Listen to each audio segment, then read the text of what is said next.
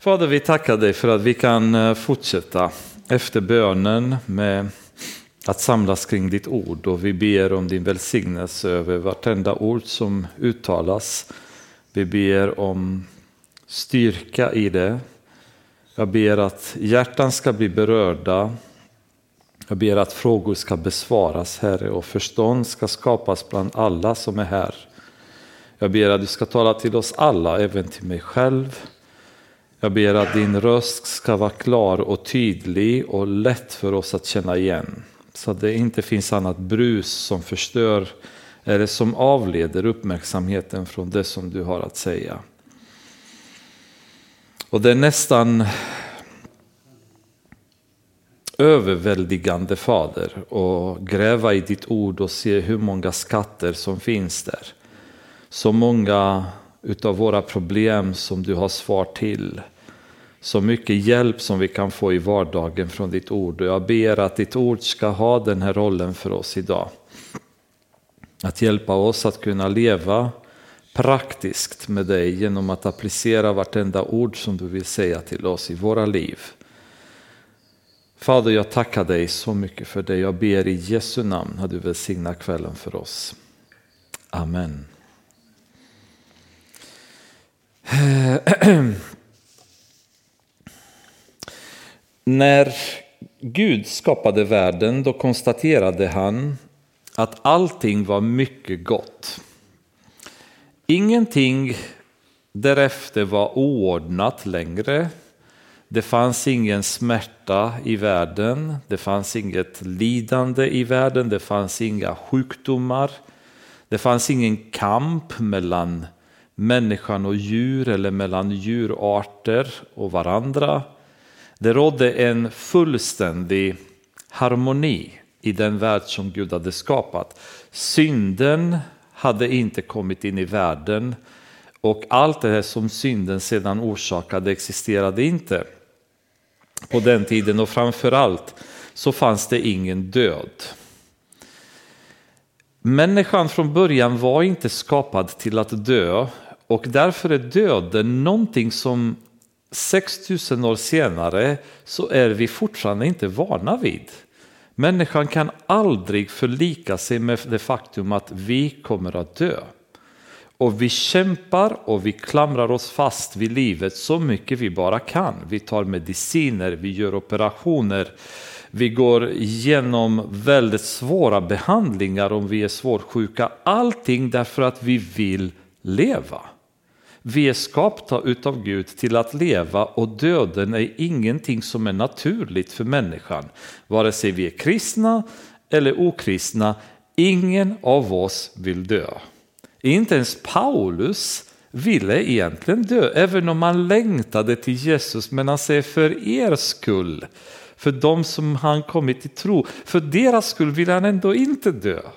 Han ville fortsätta att leva för deras skull, så vare sig för hans skull eller någon annans skull så var ändå döden ingenting han längtade efter. Och den fanns inte från början i Guds tanke i skapelsen utan det fanns liv, det som Gud hade tänkt sig för mänskligheten. Och i kapitel 2, efter Gud har skapat allting och allting var mycket gott, då ser vi att Gud skapar människan eh, från jorden och faktiskt ordet som används på hebreiska är damm, lättare översatt. Så Gud skapade människan från jorden och Adam är egentligen den enda människan som är skapad direkt utav Guds hand ur jorden. Vi alla andra är födda från en kvinna men Adam är den enda som är skapad direkt utav Gud. Och skapades utav jorden, men det räckte inte, utan Gud andades sin ande genom människans näsan. Så Gud gav människan ett materiellt liv, men det räckte inte utan människan skulle ha ett andligt liv också, vilket Gud andades in i människan. Och tanken var att människan ska leva i fullkomlighet i ett materi en materiell kropp och med ett andligt liv i sig. Och det var Guds tanke från början. Den harmoni som rådde i hela universum skulle råda i människan också. Mellan människans materiella väsen och människans andliga väsen. Men när synden kom in i världen, då blev det en konflikt mellan det kötsliga, det materiella och det andliga som kom från Gud. Och den konflikten eh, är väl förklarad i Romarbrevet kapitel 8. Vers 5 kan vi öppna till. Romarbrevet 8, 5 till 8 kan vi läsa. De som lever efter köttet tänker på det som hör till köttet, men de som lever efter anden tänker på det som hör till anden. Köttets sinne är död, men andens sinne är liv och frid. Köttets sinne är fiendskap mot Gud, det underordnar sig inte Guds lag och det kan inte heller. De som lever i köttet kan inte behaga Gud. De som lever i köttet kan inte behaga Gud och köttet i sig kan inte ens leva efter Guds lag. Det räcker det vill säga inte, utan köttet måste övervinnas av anden för att vi ska nu kunna leva efter Guds lag. Och därför i Galaterbrevet kapitel 5 um, vers 16 och 17 kan vi läsa.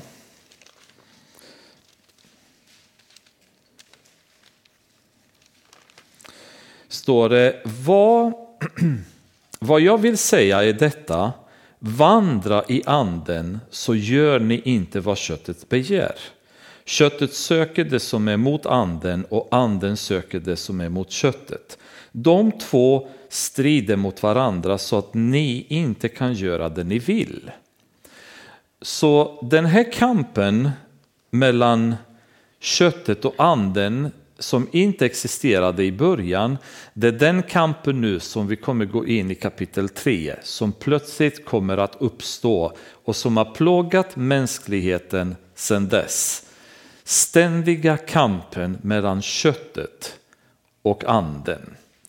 Ehm, och i kapitel 2 så har vi läst om människans början men i kapitel 3 så kommer vi till det som vi hade kanske inte velat läsa om och det är syndens början. Kapitel 3 förändrar allt. Ehm, innan kapitel 3 så fanns en tanke som Gud hade och han hade, han hade skapat något som var mycket, mycket gott. Men från kapitel 3 vidare så förändras allt. Vi kan börja läsa. Men ormen var listigare än alla markens djur som Herren Gud hade gjort. Han sade till kvinnan, har Gud verkligen sagt att ni inte får äta av alla träd i lustgården? Än så länge är inte ormen så som vi tänker att han var, därför att förbannelsen som kommer senare i kapitel 3 gör att ormen kommer krypa på marken eh, som man gör idag. Så innan ehm, dess så var ormen i en annan form. Och ordet på hebreiska för orm, orm är den glänsande. Eh, så han, han var en, ett glänsande djur på något sätt. Och det intressanta är att det, det skickar oss tillbaka, kan man säga, det skickar oss framåt. Nu är vi så långt bak vi kan komma, så kan man säga, det skickar oss framåt till Hesekiel kapitel 28 vers 13 till 17 där Satan beskrivs um, Eh, kring hur han såg ut bland annat. Det är väldigt mycket mer som pratas. Men han beskrivs som att han befann sig i Eden höljd i alla slags ädelstenar, karneol, topas och kalcedon, krysolit, onyx och jaspis, safir, granat och smaragd. Det vill säga glänsande Satan glänsade där i Eden och ormen kallades på hebreiska nahash som betyder den glänsande. Så ormen på något sätt kunde tala till människan. Och det, här har folk skrivit långa rader om hur kan detta vara möjligt att ormen talade till människan. Ja, det vet jag faktiskt inte. Men det finns jättemånga olika sätt han kunde ha gjort det på. Det kan ha varit så att innan syndafallet eller innan floden eller när man skulle dra en sån gräns så kanske kunde Adam tala till alla djuren. Det kanske fanns ett språk som på samma sätt som Gud kommunicerade med djuren och de förstod honom så kanske kunde de förstått människa och tala tillbaka. Den, eh, kan man säga, den eh, konstitution och förstånd som människan hade då kunde ha varit otroligt mycket mer avancerat än det vi har idag när synden har perverterat mycket av människan. Det kan ha varit så att, eh, att eh, ormen kunde tala på samma sätt som Biljams åsna har talat tillfälligt. Vi vet inte. Jag tänker inte gå in någon lång bibelstudie kring huruvida en orm kan tala eller inte. För Gud kan göra allt och allting är möjligt i det läget när, när naturen hade precis skapats och reglerna var några helt andra än det vi har idag. Men hur som helst så nyttjar i alla fall Satan ormen till att tala till, till kvinnan. Och det första som man tar fram det är ett, ett försök att plantera tvivel och ifrågasättande i kvinnan. Där han säger, har Gud verkligen sagt att ni inte får äta av alla träd i lustgården? Och det kan man säga, det är ju permanent så som Satan jobbar även idag. Han sår små frön som ska få oss att tvivla på Guds ord.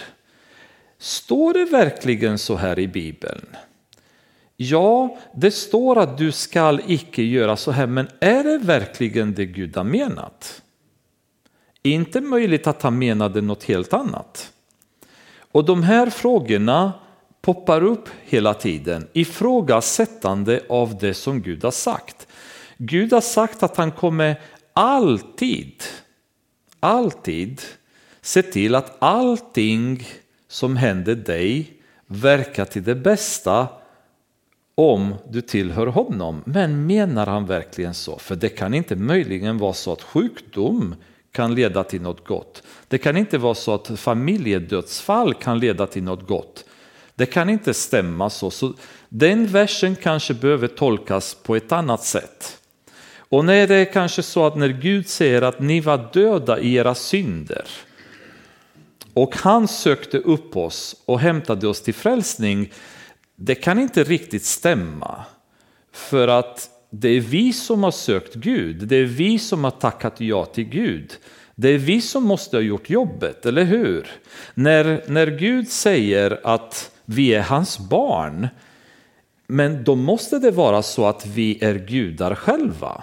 För vi kan inte vara Guds barn och inte ärva hans gener, hans genetik. Så hur kan vi vara Guds barn och inte vara själva gudar? Ja, men det står att det finns bara en Gud. Ja, men är det verkligen det Gud menar när han säger att det bara finns en Gud? För det kanske är så att det finns flera gudar, för det finns ett ord som heter Elohim och det är en plural för Gud. Och tänk om det finns fler gudar, tänk om vi kan bli gudar. Är det verkligen så Gud har sagt? Och det här är ju det sättet som Satan permanent bombarderar oss med idag. Och det är därför det startas sekter och det startas viloläror i församlingar. För vi gör samma misstag som Eva har gjort och det är att gå in i en dialog med Satan istället för att säga gå bakom mig Satan och bara rusa till Gud och säga Fader, jag förstår inte detta. Det här kom som en fråga, vad, vad säger du om det? Vad menar du med den här versen? Gå till honom, gå till ordet, börja läsa, börja gräva och se vad vill Gud säga. Och han kommer, han kommer inte dölja sin vilja från oss, han kommer inte dölja sina sanningar från oss om vi söker. Knacka och dörren ska öppnas. Och det gäller allt som vi gör med Gud. Om vi söker honom så vill han inte gömma sig från oss när vi vill söka sanningen. Men Eva går i en dialog kommer vi se med, med Satan kring detta. Istället för att bara säga nej, vi sätter stopp här. Eh, och, och, hon svarar ormen och säger vi får äta av frukten från trädgården i lustgården. Men frukten på trädet mitt i lustgården har Gud sagt ät inte av den och rör inte vid den för då kommer ni att dö. Och här är det lite lurigt därför att inte bara att hon ingår en dialog med Satan, vilket vi ska absolut undvika, men hon lägger till någonting som Gud inte hade sagt. Därför att Gud gav mannen befallning i kapitel 2, vers 16 och säger Du kan äta fritt av alla träd i lustgården, men av trädet med kunskap om gott och ont ska du inte äta, för den dag du äter av det ska du döden dö. Men var i den här versen säger Gud att de inte får röra trädet?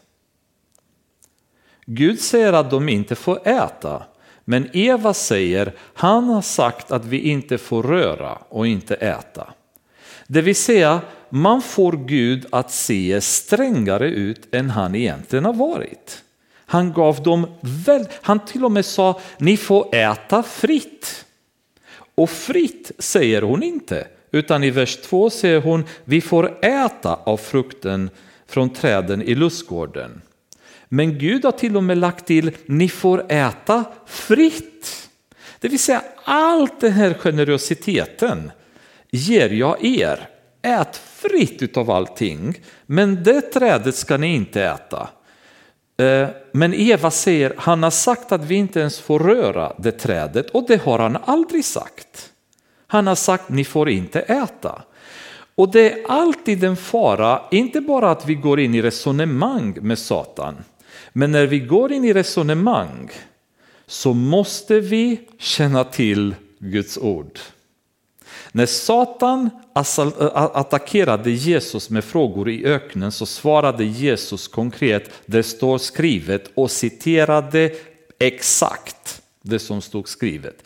La inte till, tog inte bort, citerade ordet till Satan. Därför att ordet är viktigt och Gud lägger inte ord utan anledning och tar inte bort utan anledning. Så det, de ord som Gud lämnar bort är lika viktiga som de ord som Gud har skrivit. Han har valt att inte uttrycka vissa ord med vissa anledningar och vi ska inte lägga till några ord som Gud inte har sagt. Och det visar en respekt för Guds ord som vi måste ha. Men det kan finnas redan här en spricka i Evas sätt att resonera där hon inte riktigt har förstått Guds budskap i den bemärkelsen utan hon lägger till saker. Och eh, i, eh, kan man säga att man, man brukar säga att när man lägger till saker till Guds ord, det är någonting som oftast okulta rörelser gör. De lägger ju till olika grejer till Bibeln så att de skapar en slags mysticism kring Bibeln. Men sen har vi tyvärr det vi drabbar oss väldigt mycket även i våra församlingar idag och det är mer liberal bibeltolkning där man klipper bort delar av Guds ord och säger det här är inte så viktigt. Det här är inte aktuellt för, för idag. Det här var viktigt då, men det har inte så stor betydelse idag. Um, uppenbarelseboken, ah, det behöver inte vi bry oss om för vi kommer vara i himlen med Jesus. Och vad som hände i vedermödan, ja, det är inte jätteintressant för vi kommer inte finnas på jorden då. Detta är det lyckliga fallet där de tror att kyrkan ska gå till, till, till eh, himlen innan vedermödan. Eh, det finns väldigt mycket idag som man undviker prata om därför att det kan bli problematiskt, det är inte kulturellt acceptabelt längre. En passage som handlar med helvetet och så vidare, det lämnar vi gärna utanför i modern kristendom för det blir jobbigt för folk att höra sånt. Så vi börjar klippa och klistra i Guds ord efter eget bevåg. Och det är farligt när vi gör det. Guds ord måste respekteras, predikas i, i dess helhet. Så som Gud har lagt, så ska vi säga. Eh, I, först, I femte Moseboken kapitel 4, vers 2 säger ni, ni ska inte lägga något till det som jag befaller er och inte ta något därifrån utan hålla eh, Hålla Herre er Guds bud som jag ger er. Ta inte bort någonting och lägg inte till någonting utan tar budet exakt så som det är. Eva hon la till någonting där som inte hade med det att göra. Ehm, så om om man ändå går in i en dialog, om de här frestande tankarna som ibland kommer i oss och tvivelaktiga tankar, de här pilarna som Satan skjuter mot oss, som Efesierbrevet kapitel 6 säger att vi ska ta trons sköld och släcka de här pilarna med. Om vi missar att ta trons sköld, då måste vi se till att vi har sanningens bälte ordentligt knäppt, alltså Guds ord ordentligt knäppt så att vi kan identifiera lögnerna och vi kan identifiera det som försöker att ruinera vår tro tidigt och eliminera det. För annars riskerar vi att få problem. För nu försöker Satan att få en liten, liten, liten, liten kil, en spricka i Evas relation med Gud. Och ser, han testar henne och ser var kan jag slå som hårdast. Men då sade ormen till kvinnan, ni ska visst inte dö. Så nu går han från att lätt få kvinnan att ifrågasätta Gud, han går på dödsstöten nu och säger Gud är en lögnare. Ni kan inte möjligtvis dö. Det kan inte stämma, det är inte det han har velat sagt. Så han går nu på en direkt lögn som får Gud att vara en lögnare med andra ord. I första Johannesbrevet kapitel 1, vers 10, det står om vi säger att vi inte har syndat gör vi honom till en lögnare och hans ord finns inte i oss. När Gud säger att alla har syndat och vi säger men jag har inte gjort det, då betyder det att Gud är en lögnare. När Gud säger att um, alla behöver söka honom, alla behöver be, men jag säger men jag behöver inte det. Vad säger jag om Gud? Han vet inte vad han pratar om. Han ljuger, han överdriver. Så alla bud som Gud ger oss och som vi medvetet väljer att säga att det här behöver inte jag hålla mig till. Det här kan jag tillåta mig att bryta mot. Vad säger det om vad vi säger om Gud? Hur ser vi på Gud om vi anser oss att vi kan göra detta? Vi kan tycka annorlunda än Gud. Har inte Gud koll på vad han har skrivit i hans ord? Har han, haft, han har gjort misstag? Har han missuppfattat någonting eftersom vi uppenbarligen uppfattar något annat? Så Satan kommer här och säger att du behöver inte tro allt som Gud säger. Han menar inte att ni ska dö, det där kan inte stämma. I Romarbrevet 3.23 kan vi läsa också. Alla har syndat och saknar härligheten från Gud.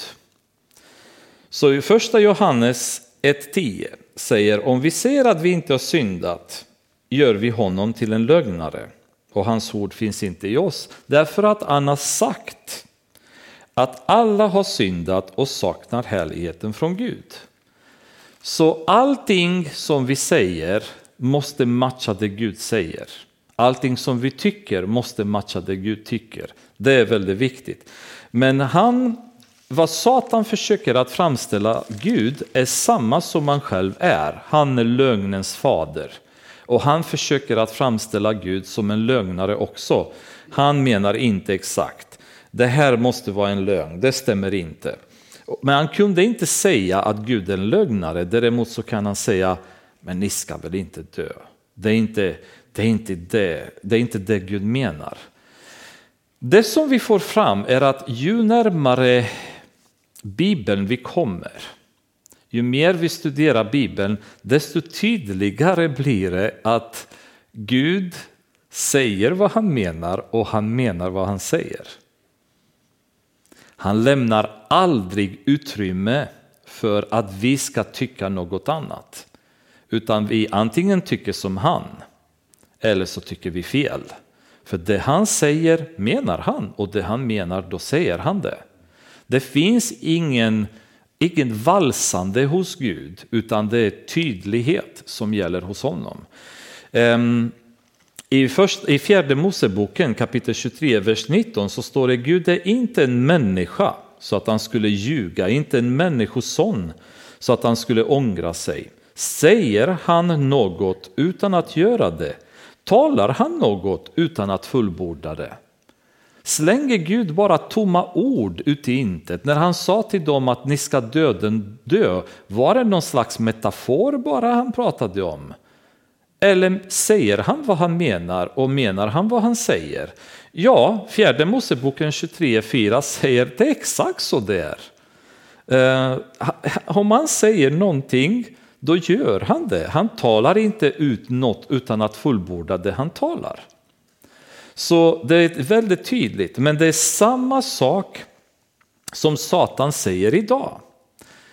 Har ni tänkt på att det är exakt samma sak? Det händer väl ingenting om du syndar?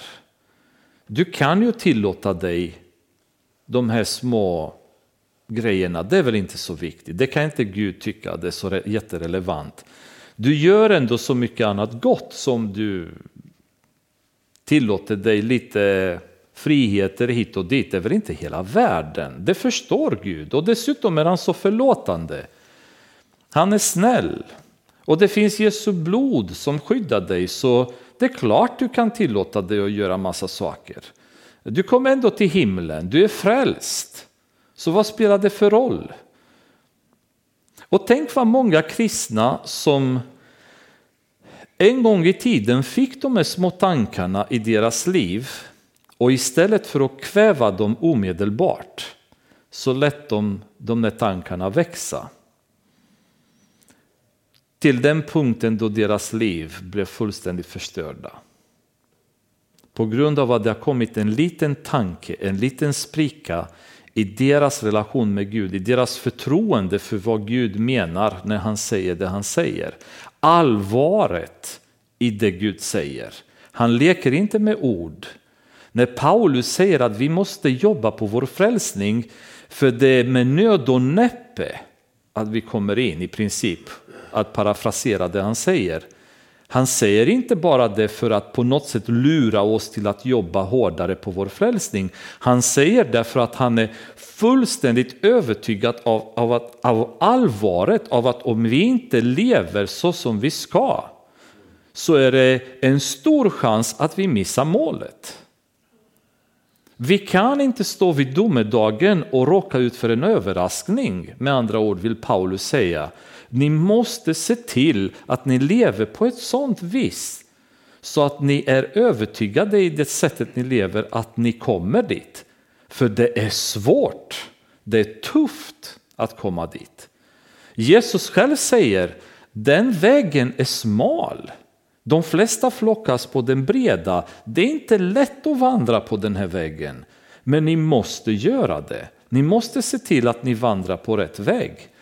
Han säger det är lättare för en kamel att gå genom nålsögat än för en rik människa att komma in i himmelriket och vi kan börja prata om exakt vad han menar med det men poängen det finns ju svårigheter med frälsningen.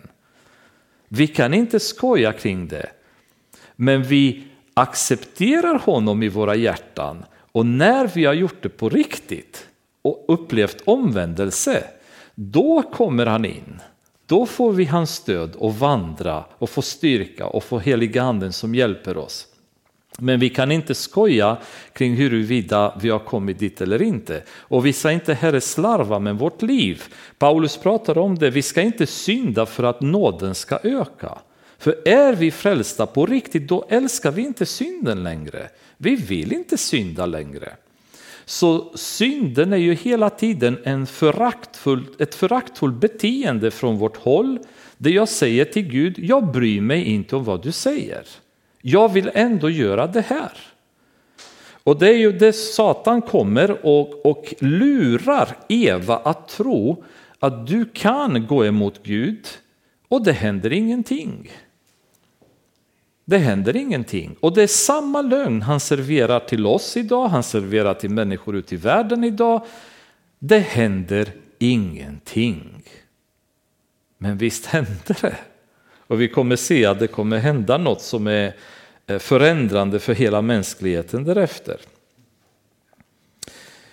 Ni ska visst inte dö, men Gud vet att den dag ni äter av den kommer era ögon att öppnas och ni blir som Gud med kunskap om gott och ont. Så Gud har en, ett, ett dolt motiv. Han vill inte att ni ska bli som han. Kommer ni ihåg varför Satan slängdes från himlen, från Gud? Därför att han ville bli som Gud. Och nu går han till människan och säger att mm, Gud är bara rädd att, ni, att ni, ni kommer bli som han när ni får reda på vad som är gott och vad som är ont. Så Gud har dolda motiv. Han vill inte det bästa för er. Det finns så mycket annat ni skulle kunna njuta av i livet som Gud håller er ifrån. Och inte, är inte det, det, det vanliga kan man säga som, som Satan också använder sig av idag? Varför skulle inte Gud vilja att jag kan festa och dricka och träffa massa kvinnor och parta och ha roligt? Vad är det som är så fel med det? Det här skulle berika mig istället. Så Gud måste ha en väldigt tråkig, eller han, han, han är inte snäll som inte tillåter oss att bara njuta av det goda. Varför skapar han allt det här goda om jag inte får röra det? Varför skapar han det här trädet som är så vackert och så gott, men jag får inte röra det? Varför, som någon har sagt till mig en gång, jag vet när vi evangeliserade i Rumänien, varför har Gud skapat alla dessa vackra kvinnor om jag inte ska ha relation med dem? Det var hans enkla fråga, det måste vara något fel. Gud har inte förstått vad som är bra för mig, han fattar ingenting. Jag vet mycket bättre vad som skulle vara bra för mig. Och alla som har haft det här resonemanget lever i misär idag. På olika sätt. Och vore det inte för Guds nåd, då skulle vi också vara bland dem. Men Gud har varit god och räddat oss, tack och lov. Jag vet inte varför han valde oss och inte, inte andra, men jag är bara tacksam att han har gjort det. För annars hade vi legat i misär som alla andra. Samma sätt hade Satan använt sig och frestat Jesus med också om vi går tillbaka nu till öknen. Först så säger han till Jesus, du kan förvandla brödet, eh, stenarna till bröd, för du är väl hungrig. Med andra ord, du behöver inte finna dig i den situation du befinner dig i. Du har själv makt att göra någonting åt det. Du kan byta de här stenarna till att bli bröd.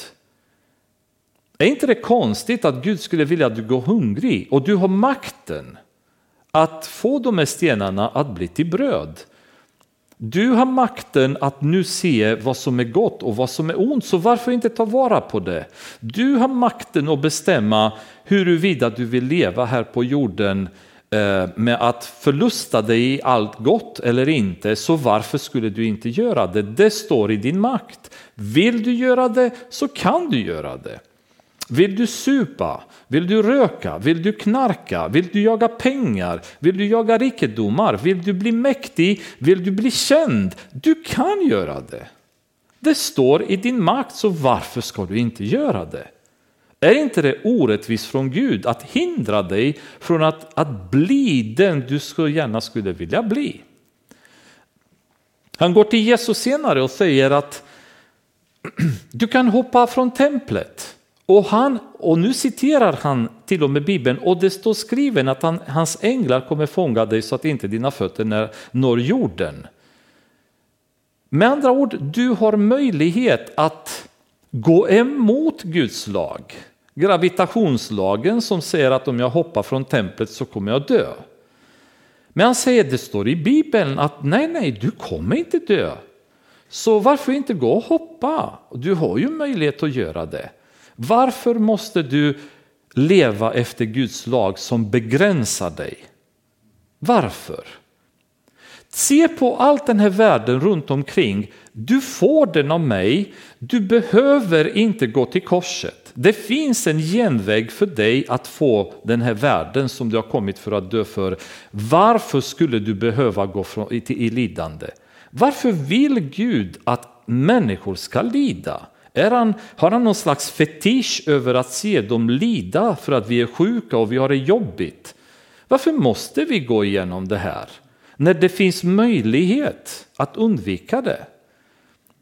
Varför måste vi gå igenom väldigt mycket sorg som kristna? För vi behöver vi behöver inte göra det. Varför ska vi bli utskrattade på våra arbetsplatser? Varför ska en del förlora sitt jobb? Varför ska en del hamna i fängelse? Varför ska en del bli dödade? Varför ska deras fruar och barn bli våldtagna på grund av att de tror på Gud? Varför har massa missionärer varit tvungna att gå och bli uppätna utan kannibaler? Är det verkligen Gud som menar att det här är okej? Okay? Måste du göra detta när det finns andra alternativ? Samma perversa sätt har Satan använt sig utav genom hela historien. Hela gamla testamentet är fullt med samma lögner med vilket han matat judarna och fått dem att falla i synd. Samma system använder han idag. Så vi behöver vara vakna. Gå inte i dialog med honom. Ta trons sköld och bara bara håll upp det och håll upp det och håll upp det så de där brinnande pilarna permanent släcks. Ta Guds ord runt omkring er så att ni vet vad ordet säger. Använd svärdet till att hugga med Guds ord på samma sätt som Jesus gjorde när han svarade tillbaka, det står skrivet. Ta fram ordet, hugg med ordet, kontra med ordet. Vad, vad säger Guds ord om saker och ting? Och ha också den här, det hoppet som frälsningen ger oss, att det finns någonting där uppe vi är på väg. Jag, ska, jag kan utstå det här, jag kan gå igenom de här problemen idag, jag kan lida idag. Därför att sen vet jag vad som väntar mig. Jag behöver inte få allting perfekt idag. Om det är så att jag inte förstår varför jag går igenom det jag går, det spelar ingen roll. Jag går i tro om att Gud älskar mig. Jag går i tro att inget händer mig utan hans vilja. Jag går i tro att allt som händer mig verkar till det bästa för mitt liv som kristen och Guds barn. Och jag går i tro att det här kommer ta slut en dag och det blir över. Och jag kommer leva med honom i en evighet. Så den dialogen med de här perversa tankarna måste vi släcka omedelbart. För att kommer han få en fot så kommer han breda ut och börja hälla i mer och mer och mer dynga. Då. Så vid första omgången där borde Eva egentligen ha satt punkt. Jag vill inte prata om det, vi går härifrån. Hon ingick en dialog och han är skicklig på att resonera. Han är skicklig på att svänga och parera och byta vinkel beroende på vilket motstånd han får. Och det är ju, det får vi helt enkelt undvika att hamna i. Och kvinnan såg att trädet var gott att äta och en fröjd för ögat. Trädet var lockande eftersom det gav förstånd. Och hon tog av frukten och åt. Hon gav också till sin man som var med henne och han åt. I första Johannesbrevet kapitel 2, vers 16 eh, så står det något väldigt bra för oss att vara medvetna om. Och som är till grund kan man väl säga till, till synd i världen idag helt enkelt. Eh, första kapitel 2, vers 16. Allt som är i världen, köttets begär och ögonens begär och högmod över livets goda, det kommer inte från Fadern utan från världen. Och de här tre grejerna, om ni tänker på dem, de är ständigt grunden som förleder oss till synd.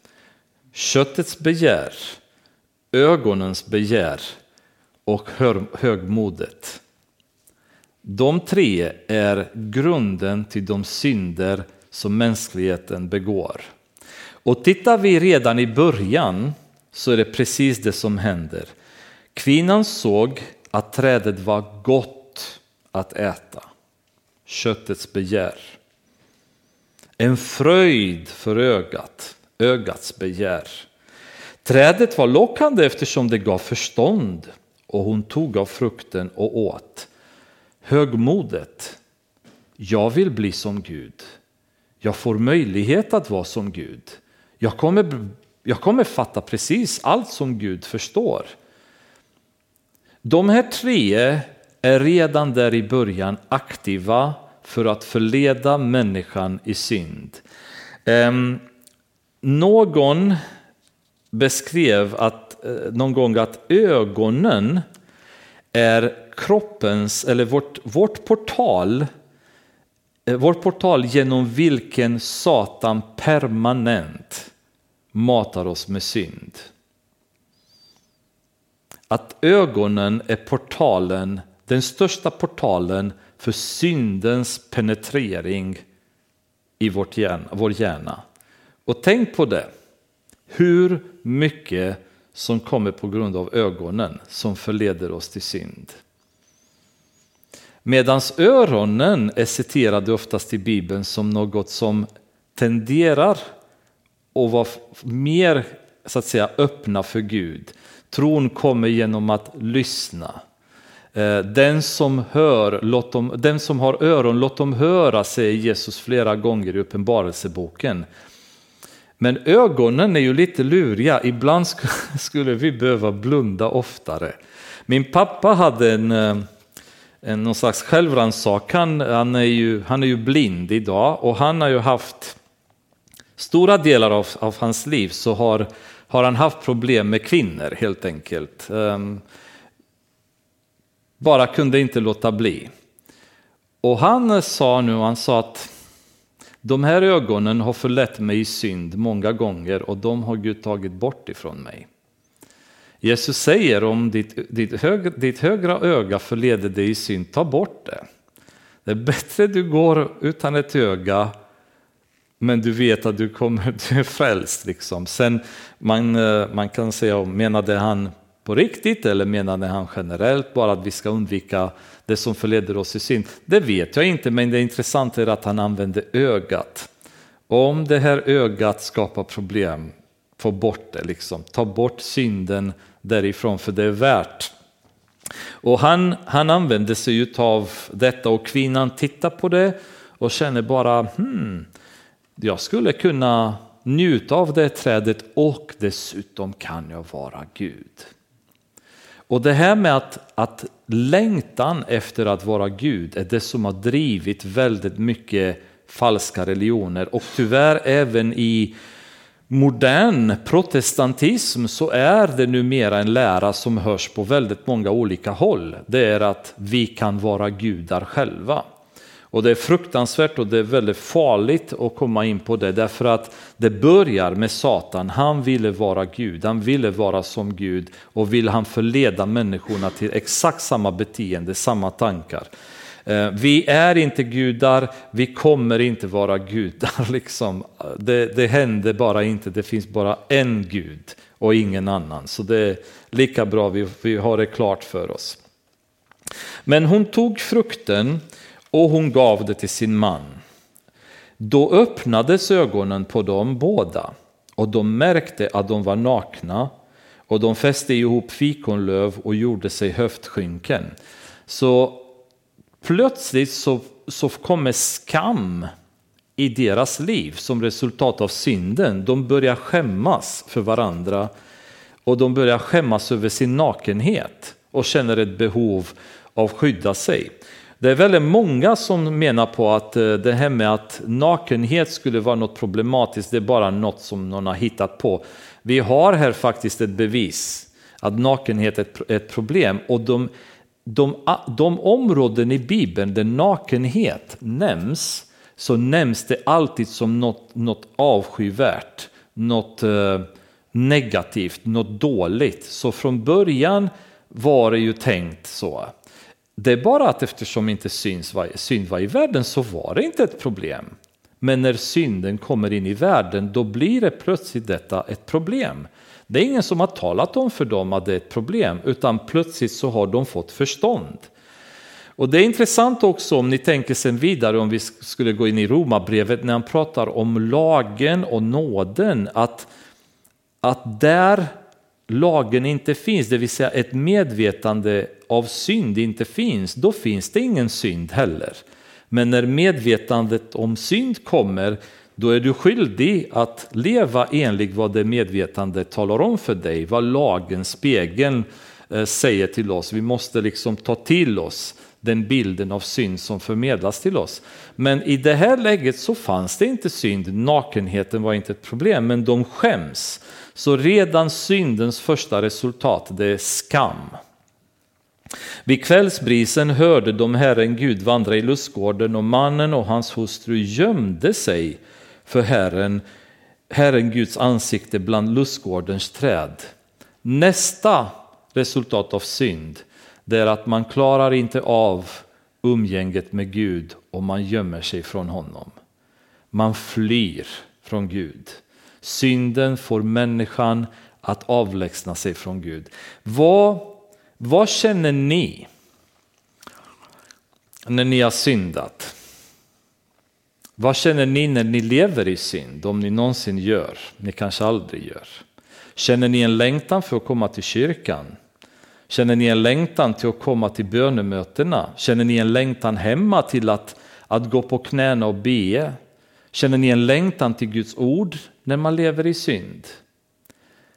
Tvärtom, man vill alltid ifrån det. Man vill, man vill inte komma till kyrkan, man, man vill inte be, man vill inte träffa kristna, man vill inte prata med någon och bli påmind av att jag lever i synd och kanske behöver förändra mig. Jag flyr, jag gömmer mig någonstans. Vi borde inte göra det, vi borde alltid fly till Gud när vi har synd i våra liv och ta dem till Gud och be om förlåtelse och be honom att ta bort det från oss. Men mänskliga reaktionen till synd, det är att fly från Gud.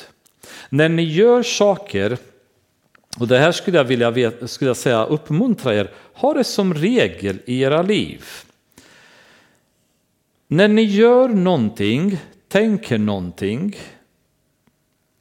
utvecklar er mot något håll, kolla noga om det ni tänker eller gör tar er närmare Gud eller tar er längre ifrån honom. Det är en väldigt, en väldigt tydlig mätare kring huruvida det ni gör eller tänker kommer från heliga anden eller kommer från er, eller Satan för den delen. Tar det er till Gud, får ni en större längtan till Gud, då är det med all sannolikhet heliganden som driver er.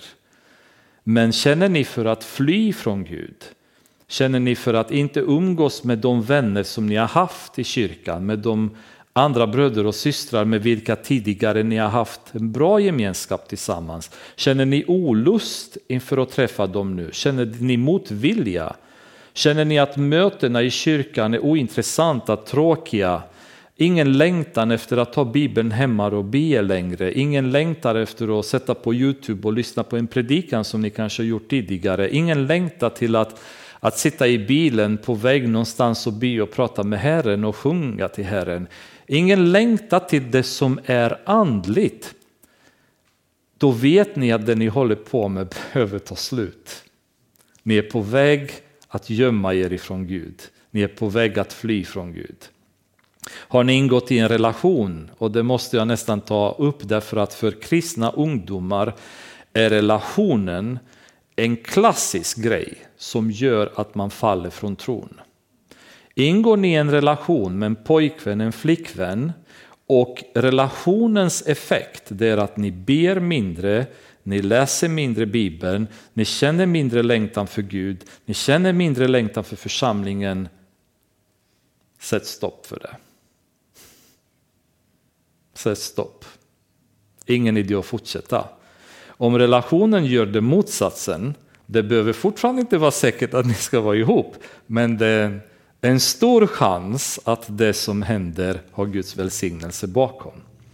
Och det är kanske bra att fortsätta att pröva, fortsätta i relationen tills något annat är sagt från Gud. Men är motsatsen eh, det som händer, sätt stopp för det. Ehm, jag känner också, om vi pratar om några pojkar som ska snart vara i lumpen. Lumpen för en man är bästa sättet att knäcka ens tro. Och det kan jag tala ur egen erfarenhet. Jag gick till lumpen efter ett år på bibelskolan sprängd med bibeln, sprängd med härlig stämning, med underbara relationer med människor.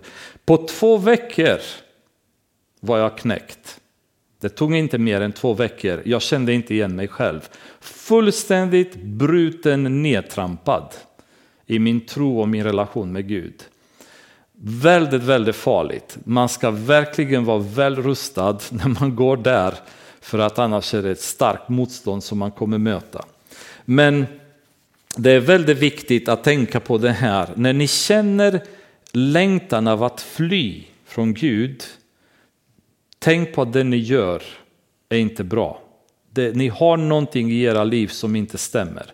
För ni ska känna precis tvärtom, längtan att komma till Gud. När Gud kommer i kvällsbrisen vandrande genom gården, vem vid sina sinnesfulla bruk inte vill gå och vandra med honom?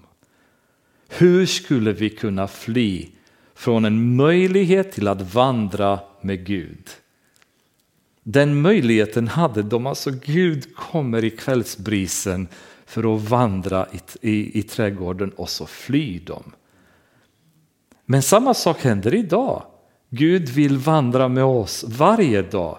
Han vill dela med oss på samma sätt sina tankar. Han vill dela oss det som han är glad över, det som han brinner för. Han vill dela allt det här med oss varje dag. Så om det vi gör gör att vi inte känner någon längtan för det och vi gömmer oss ifrån honom, då betyder det att vi, vi har problem i våra liv som vi behöver lösa.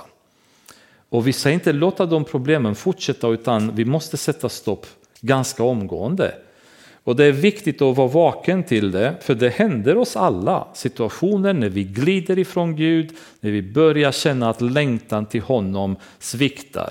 Och det står i Bibeln att den som säger att man älskar Gud men inte älskar sin broder är en lögnare. Så kyrkan och kristna människorna som vi känner en längtan till är oftast också en tempmätare för vår relation med Gud. Längtar jag till församlingen? Känner jag glädje när jag träffar mina bröder och systrar? Känner jag längtan efter dem? Känner jag att jag, jag vill mer med dem? Jag vill träffa, vi vill träffas oftare, vi vill göra saker tillsammans, vi vill vara ihop för det är så underbart. Jag, jag bryr mig om dem, jag vill hjälpa dem, jag hör att de har ett problem, jag vill be för dem. Har vi den här längtan, ja men då är vi på god väg. Men känner vi tvärtom att ah, de är så trökiga allihopa, jag har inget gemensamt med dem och det, gudstjänsterna det ger mig ändå ingenting, jag förväntar mig mycket mer, det här gillar jag inte och de är buttra och han är sur och han, han, tycker jag aldrig ens kan dra upp på mungiporna och jag tycker fikat är tråkigt. Vad som helst liksom som gör att vi känner att ah, jag, jag går inte till kyrkan mer. Då är vi på fel väg. Och tittar vi på de som genom åren kanske har resonerat så, så blir det sen att man faller längre och längre och längre och längre från Gud. Tills man har försvunnit någonstans oftast. De sprang och de gömde sig. Och det var andra tecken då på vad synden hade orsakat. Men Herren Gud kallade på mannen och sade, var är du? Och här är ju bara en väldigt stor fråga som jag tänker bara, vilken intonation använde Gud när han ställde den här frågan? Var en polisiär ton? Var är du? Eller var en sorgsen ton? Var är du Adam? Var är Guds längtan? Efter honom var en annan röst av en fader som plötsligt har förlorat sin son. Eller var Gud arg? Vi vet inte, vi kan föreställa oss. Men genom att veta Guds hjärta så är jag väldigt mycket mer benägen att tro att det var en stor sorg i Guds röst när han ropade efter Adam. Gud visste vad som hade hänt. Gud visste varför Adam inte fanns där och inte gick att se. Jag vet inte, vi kan föreställa oss saker, men vi känner ju Guds hjärta så jag tror det fanns en stor sorg. För nu visste Gud vad som hade hänt. Nu visste Gud vad mänskligheten kommer stå ut med i så många tusentals år därefter och vad hans son kommer behöva gå igenom. Han svarade, jag hörde ljudet av dig i lustgården och blev rädd eftersom jag är naken, därför gömde jag mig. Tredje tecknet på synd som kommer in, rädslan. Inte funnits tidigare, men nu är de rädda. Nu är de rädda. Förut så fanns det en trygghet med Gud, nu finns det rädsla i relationen med Gud. Och det är ju, det är ju syndens effekt. Gud hade gett människan fri vilja att välja att äta eller inte äta. Människan använde sin fria vilja. Men genom att använda vår fria vilja till att gå emot Gud förlorar vi vår fria vilja och vi blir slavar. Så vi har en fri vilja så länge vi väljer rätt. När vi inte väljer Gud, då förlorar vi vår fria vilja och blir förslavade under Satan. Och det är vad en hel värld där ute är. Det är en värld som har valt att inte välja Gud och därmed så har Satan satt dem i kedjor. De blir per automatik hans. Och de använder sin fria vilja men de använder det så fel. Och det härliga ändå i detta det är att det är inte de som söker Gud utan det är fortfarande Gud som söker dem. Gud kunde ha vänt ryggen och sagt, jag har sagt till er att ni kommer dö, jag bryr mig inte. Men han söker upp dem, han bryr sig fortfarande om dem. En människa kan hamna ganska djupt i synd och Gud kan fortfarande vara där och vilja dra upp honom. Det är aldrig för sent. Det är aldrig för sent. Gud vill inte att människan ska dö, utan människan ska uppleva evigt liv. Och Gud kallar och kallar och kallar för människan. Och människan någonstans på väggen ska svara eller inte. Men då sade han, vem har berättat för dig att du är naken? Har du ätit av trädet som jag förbjöd dig att äta av?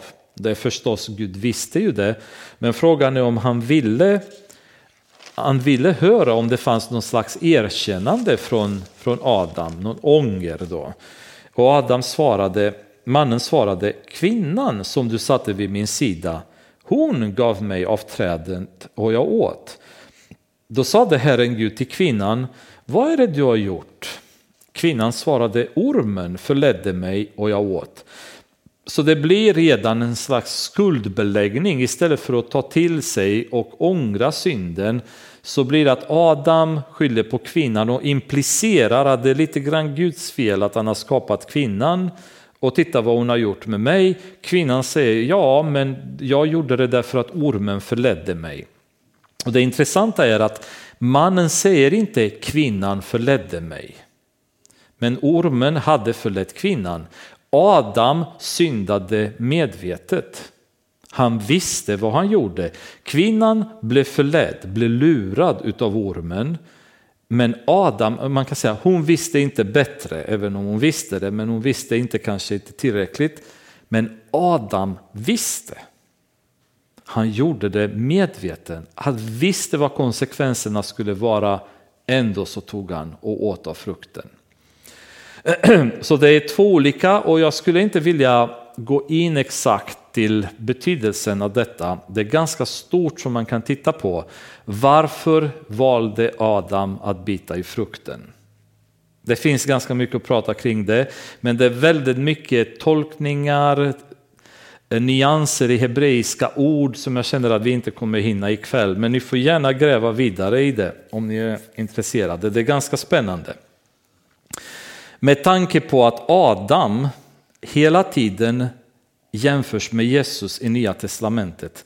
Den första Adam, den andra Adam. Och hela tiden det finns en parallell med vad Adam gjorde, vad Jesus gjorde, vad Adam gjorde, vad Jesus gjorde. Så det är ganska intressant studie om man tittar på det, men vi kommer inte hinna med det just nu. Då sade Herren Gud till ormen, eftersom du gjort detta ska du vara förbannad bland alla boskapsdjur och vilda djur. På din buk ska du gå och jord ska du äta så länge du lever. Så det är nu ormen förbannas till att krypa. Innan dess måste han ha sett ut på ett helt annat sätt än vi är vana vid idag. Jag ska sätta fiendskap mellan dig och kvinnan och mellan din avkomma och hennes avkomma. Han ska krossa ditt huvud och du ska hugga honom i hälen. Så det är en väldigt tydlig profetia av, av att Jesus kommer en gång komma och rädda världen genom att krossa Satan. Och det hände på korset. På korset så var det segern över Satan helt enkelt. Till kvinnan sade han, jag ska göra din möda stor när du blir havande. Med smärta ska du föda dina barn. Till din man ska din åtrå vara och han ska råda över dig. Så barnafödandet, fortplantningen som skulle vara något jättehärligt som Gud hade uppmuntrat vid skapelsen. Nu ska ni fortplanta er, föröka er, fylla hela jorden. Det var något som var härligt, välsignande, underbart. Detta förvandlas nu till en väldigt tuff stund för kvinnan. Det ska, det, det ska gå svårt med smärta smärta ska man föda barnen. Och till din man ska din åtrå vara och han ska råda över dig. Det här är en vers som också är väldigt intressant som vi inte kommer gräva extremt djupt i. Men vad menas det med åtrå? Vad, vad menas med den här versen egentligen? Ehm, den hebreiska översättningen av ordet är ju ganska lik men ändå nyanserad. Det kan betyda längtan, det kan betyda önskan. Men det finns en annan betydelse och det är som betydelse av en bäst som ska sluka upp någon. Det används på det sättet. Men i Bibeln däremot används det bara tre gånger. Det här är en gång. En annan gång används det i Höga visan eh, kapitel 7, vers 10, där det står Jag är min väns och till mig står hans åtrå. Och den gång som är väldigt lik denna så är det i nästa kapitel, kapitel 4, vers 7, där Gud talar till Kain och säger, är det inte så att om du gör det som är gott ser du frimodigt upp? Men om du inte gör det som är gott, då lurar synden vid dörren. Den har begär till dig, men du ska råda över den. Det vill säga synden vill ta över dig, men du ska råda över synden. Samma ord används här om kvinnan. Ehm, din man ska din åtrå vara och han ska råda över dig. Och det finns ju olika sätt på vilket man kan tolka det med åtrå. Man kan tolka det som att kvinnan helt enkelt kommer ha en intimitets Längtan till mannen. Hon vill älska sin man. Den tolkningen tror jag absolut inte på därför att det där är något jättefint, det är något jättevackert. Kärleken, intimiteten mellan man och kvinna är något underbart, något härligt. Men här här blir det en förbannelse som Gud lägger över kvinnan. Så det är inte en förbannelse som kommer leda till något väldigt vackert och trevligt. Utan det är någonting som likt barnafödandet kommer vara jobbigt för kvinnan framöver. Ehm, nästa tolkning som kan vara det är att kvinnan har agerat ehm, på eget bevåg när hon först åt av frukten. Som straff för detta så kommer nu hennes oberoende, hennes längtan, alltså hon kommer få någon slags eh, Eh, beroendeställning gentemot mannen och mannen kommer nu råda över henne. Så hon har förlorat den möjligheten att på samma sätt agera oberoende av sin man. utan nu blir det att mannen råder över kvinnan. Kvinnan får, kommer in i en beroendeställning gentemot mannen. Och tredje tolkningen som finns, det går ännu djupare och det, det är baserat på nästa kapitel, eh, vers 7. Synden som har begär till dig. Det vill säga att du vill ta över honom och då är den andra meningen som vi har sagt att det finns som en bäst som vill sluka någonting. Att du vill ta över din man. Du vill bestämma, du vill vara den som kör men han kommer råda över dig. Och man kan ha olika diskussioner kring vilken av de här tolkningarna gäller. Men oavsett vilket så är resultatet av det att från och med nu, säger Gud, mannen kommer råda över kvinnan. Och det här är någonting som i vår feministiska kultur är helt oacceptabelt. Men Gud hade inte feminismen i tankarna utan det var något helt annat som, som man baserade detta på. Till Adam sade han, du lyssnade på din hustru och åt av trädet som jag befallde dig att inte äta av. Därför ska marken vara förbannad för din skull. Med möda ska du livnära dig av den, länge, av den så länge du lever. Törne och tistel ska den bära åt dig och du ska äta av markens örter.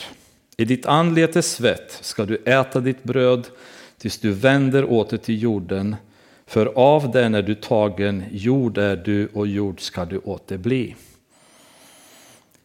Adam arbetade redan i trädgården. Vi pratade om tidigare att han hade fått rollen att vårda trädgården och vakta trädgården, så han arbetade redan. Men skillnaden blir att arbetet nu kommer göras med möda, med anletes svett. Nu kommer det bli hårt arbete. Och jorden kommer nu bli förbannad på grund av människans synd.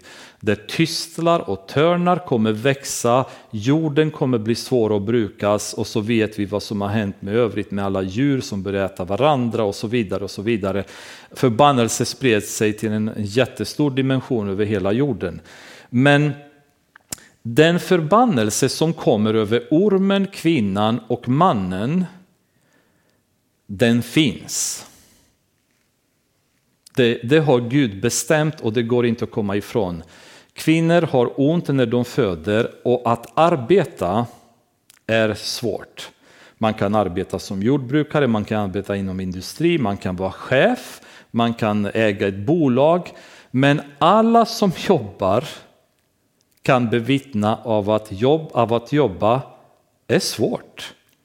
Jag kanske sliter väldigt mycket fysiskt och min kropp är väldigt trött. Eller så kanske sitter jag på ett kontor och är genomstressad med alla Excel-filer som jag behöver behandla, alla offerter som jag behöver skicka, alla samtal jag behöver svara på, alla chefer inför vilka jag behöver svara, alla extra timmar som jag behöver lägga etc. Det finns inget jobb som någon gör där jobbet inte orsakar trötthet, möda, pina, svett. Det finns människor som tror att det går. Ehm, det är så många som vill bli så kallade finansiellt oberoende. De vill tjäna så mycket pengar så att de ska slippa jobba. Men inte vilar de för det. De behöver fortfarande slita att förvara alla de pengarna, att förvalta alla de pengarna, att investera de pengarna, att följa aktiekurserna så inte deras aktier kommer haverera.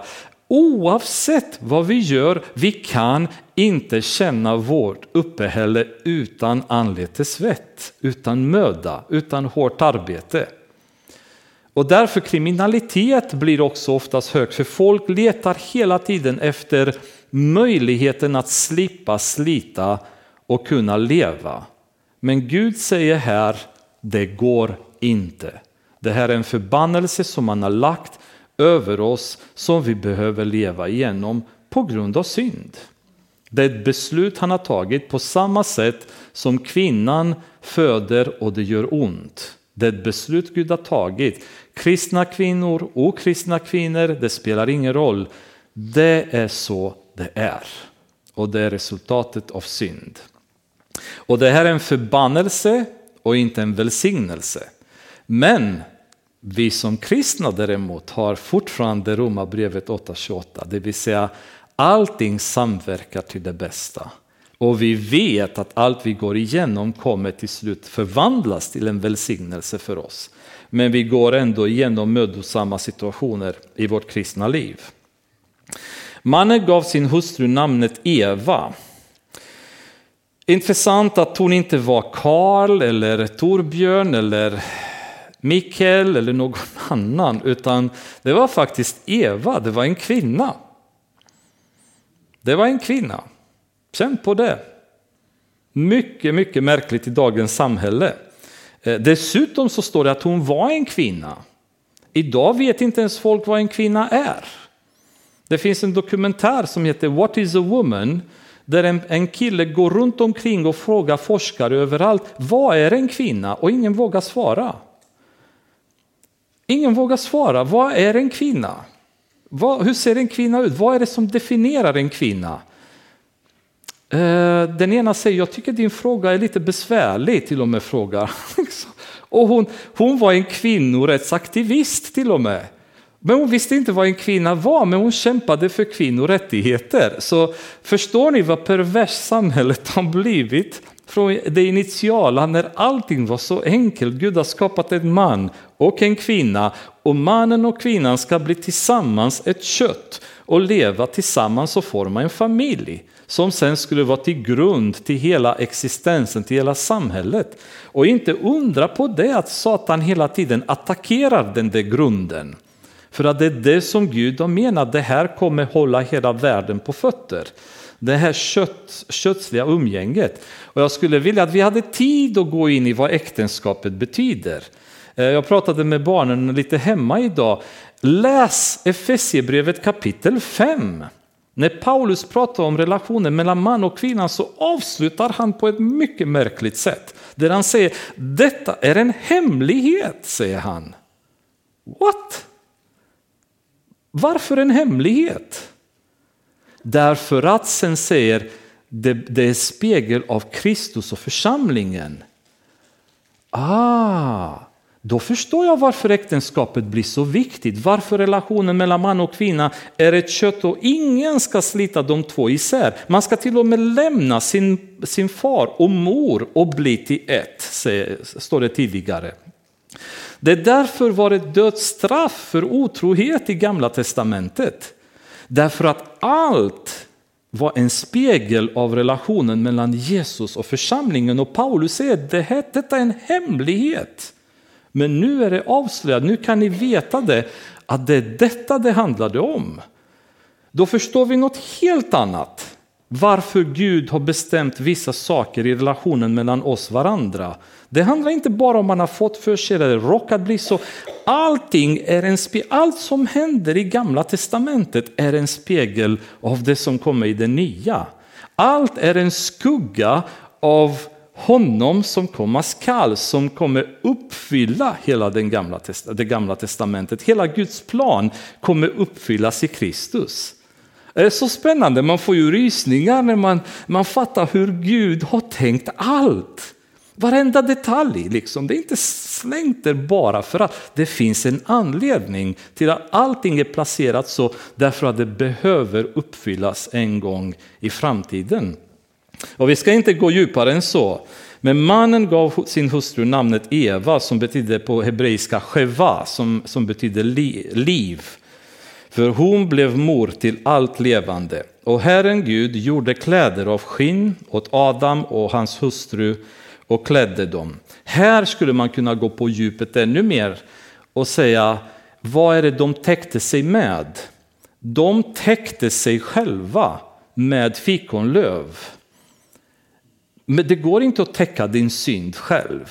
Synden kan bara täckas av Gud. Varför gjorde Gud kläder av skinn?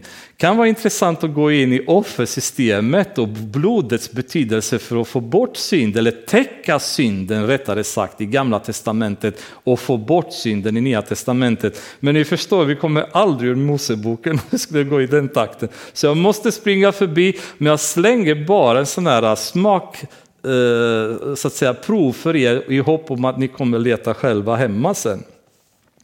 Herren Gud sade, se, människan har blivit som en av oss med kunskap om gott och ont. Nu får hon inte räcka ut handen och ta även av livets träd och så äta och leva för evigt. För risken finns det då att om människan nu skulle äta utav livets träd, att ingen räddning skulle finnas. Vi skulle leva för evigt ett syndigt liv. Vi skulle aldrig kunna bli räddade från det. Och Herren Gud skickade bort dem från Edens lustgård för att bruka jorden som de tagits ifrån. Så de avlägsnas från den här underbara lustgården som Gud har gjort. De skickas bort nu för att bruka jorden. Han drev ut människan och öster om Edens lustgård satte han keruberna och det flammande svärdets lågor. Vilken spännande grej. Tänk att veta vad det där flammande svärdet var. för, och här är intressant, för att bevaka, inte livets träd, utan vägen till livets träd. Och varför skickar Gud keruber? Alltså keruberna är de mäktigaste eh, varelserna, andliga väsen som Gud har. Varför skickar han keruberna dit? Och inte en ängel. Det hade räckt med en ängel om man, om man skulle stoppa Adam och Eva från att äta ur frukten. Men de är där för att bevaka vägen. Från vem? Kan det vara en annan kerub som kunde nu gå dit och förstöra livets träd? Jag låter er fantasi flöda. För det här livets träd sen hittar vi återigen i Uppenbarelseboken, planterat i Guds himmel. Kan det ha varit att Satans nästa steg nu hade varit att förhindra att människan skulle leva för evigt? För de som kommer äta ur livets träd i himlen kommer då leva för evigt. Spännande tanke, kanske antaganden, indicier, men det är intressant att det är flera keruber som står och vaktar den här vägen. Svårt att tänka mig att det handlade om Adam och Eva, utan jag tror det var en helt annan dimension som de vaktade mot och på grund av. Men eh, vi avslutar kapitel 3 här och jag är tacksam att ni, ni orkade. Det var lite, lite längre, men jag tänkte bara att det är svårt att dela den. Så um, um, jag hoppas att ni fick några frågor besvarade. Har ni några frågor om något så är ni välkomna att ställa. Men ehm, Fader, vi tackar dig för ikväll. Och jag ber att du ska välsigna de som har suttit här och orkat med, Herre. Välsigna dem rikligt efter din vilja med din heliga Ande, Herre. I Jesu namn tackar vi dig. Amen.